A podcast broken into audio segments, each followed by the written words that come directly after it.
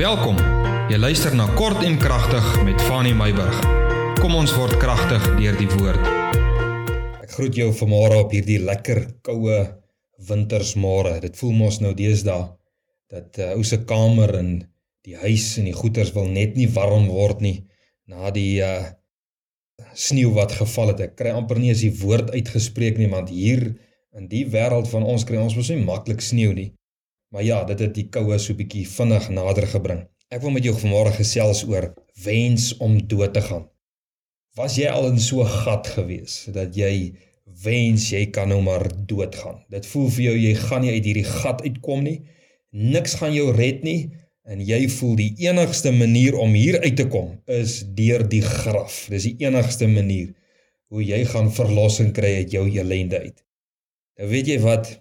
Ek lees mos nou so tydjie terug eintlik in in Numeri 14 en ek wil eintlik ek wil nou vandag gaan ek met jou deel rondom nou die bespieders en dan wil ek vir die volgende 3 dae eintlik met jou gesels oor die drie leiers wat uitgekom het daar uit die verhaal van die bespieders maar nou vanmôre wil ek met jou gesels oor hierdie gedagte van wens om dood te gaan. Nou in Numeri 14, Numeri 13, Numeri 14 lees ons nou van die bespieders. Daar was ons 24 van hulle. Goed, nou dat jy wakker is, hulle was mos 12 bespieders gewees. Ek wil net seker maak jy is wakker. En hierdie 12 bespieders het gegaan en hulle het gaan kyk wat gaan in Kanaan, die beloofde land wat God beloof het vir hulle. En so weet julle het die uh, bespieders mos nou teruggekom en die meerderheid van hulle het gefokus op die negatiewe dinge en gesê ons sal dit nie maak nie. En twee van hulle het teruggekom met 'n goeie boodskap en gesê ten spyte van alles Ons sal dit maak. Hierdie is definitief God se belofte want dit is 'n land wat oorloop van melk en honing. Maar nou tussen hierdie twee leiergroepe en die volk is daar nou 'n gevoel onder die volk. Hulle almal, meeste van hulle, luister na die negatiewe leiers wat vir hulle sê Wie wat ouens, ons sal dit nie maak nie. Ons gaan sterf hier in Kanaan. Ons gaan nie hierdie beloofde land in besit kan neem nie. En wie wat sê hulle? Kom ek kom ek lees gou vir jou. Numeri 14 vers 1 tot 3. Toe het die hele vergadering uitgeroep. Hulle het hulle stem verhef en die volk het die nag geween. Heel nag het hulle gehuil en gekerm en gekla. En nou kan jy vir my sê ja, jy kan maklik praat, jy was nie daar nie. Ja, sekerlik, dit is moontlik. En al die kinders van Israel het gemurmureer teen Moses en teen Aaron en die hele vergadering het aan hulle gesê: "Ag, as ons maar in Egipte land gesterf het of as ons maar hier in die woestyn gesterf het en waarom bring die Here ons na hierdie land om deur die swaar te val? Met ander woorde hoekom bring die Here ons in hierdie land om dood te gaan? Ons vroue en ons kinders sal 'n buit word. Sal dit nie beter vir ons wees om na Egipte terug te gaan nie wie wat sê hulle hulle wil doodgaan omdat hulle bang is om dood te gaan. Klink dit nie vir jou 'n uh, bietjie dom nie? Klink dit nie vir jou simpel nie? Hulle wil doodgaan in die woestyn omdat hulle bang is om dood te gaan in Kanaan. Nou wie wat sê 'n ander ou eendag rondom hierdie gedagte, hy sê dis is nou in Engels, ek wil net gou vir jou aanhaal. Hy sê they wish rather to die criminals under God's justice than to live conquerors in his favor. En daarop gaan ek nou niks sê nie, maar dit is dit is vir my so mooi. Die gedagte. Hulle wil doodgaan omdat hulle bang is om dood te gaan. Nou kind van die Here vanmôre wil ek jou bemoedig en ek wil vir jou sê, jy weet, jy kan huil oor jou situasie en jy het reg om te huil oor jou situasie, soos wat hierdie volk die reg gehad het om te huil want hulle voel hulle het nou so ver gekom. Hulle staan nou hier op die grenslyn van die beloofde land. Hulle kry nou hierdie boodskap en dit voel vir hulle dis vir hulle so 'n moeilike taak om nou hierdie belofte in besit te neem. En hulle het, hulle het gehuil daaroor. Hulle voel teleurgestel daaroor. Net soos wat jy dalk teleurgestel voel vanmôre oor dinge en oor situasies. Jy voel jy het amper gekom tot by die deurbraak en dinge wil net nie verander nie. Dinge wil net nie regkom nie. En nou wil ek vanmôre vir jou sê, met baie simpatie en empatie in my hart.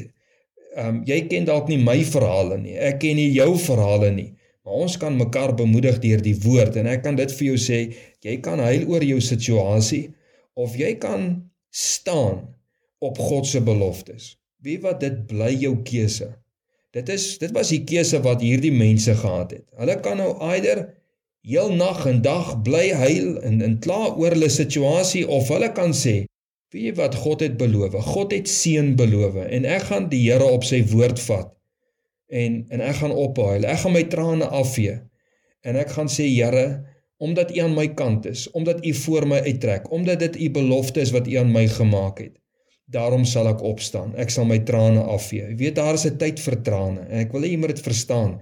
Daar is 'n tyd van hartseer, daar's 'n tyd van trane, maar Dawid sê ook, hy sê die trane is is net vir die nag lank, maar die son kom môreoggend weer op en dan moet ons ons trane kan afvee en en die volk moes daardie nag geween het en die volgende môre kon opstaan en gesê het God het 'n belofte gemaak. Kom ons vat die belofte wat die Here vir ons gemaak het en en kom ons neem dit in besit.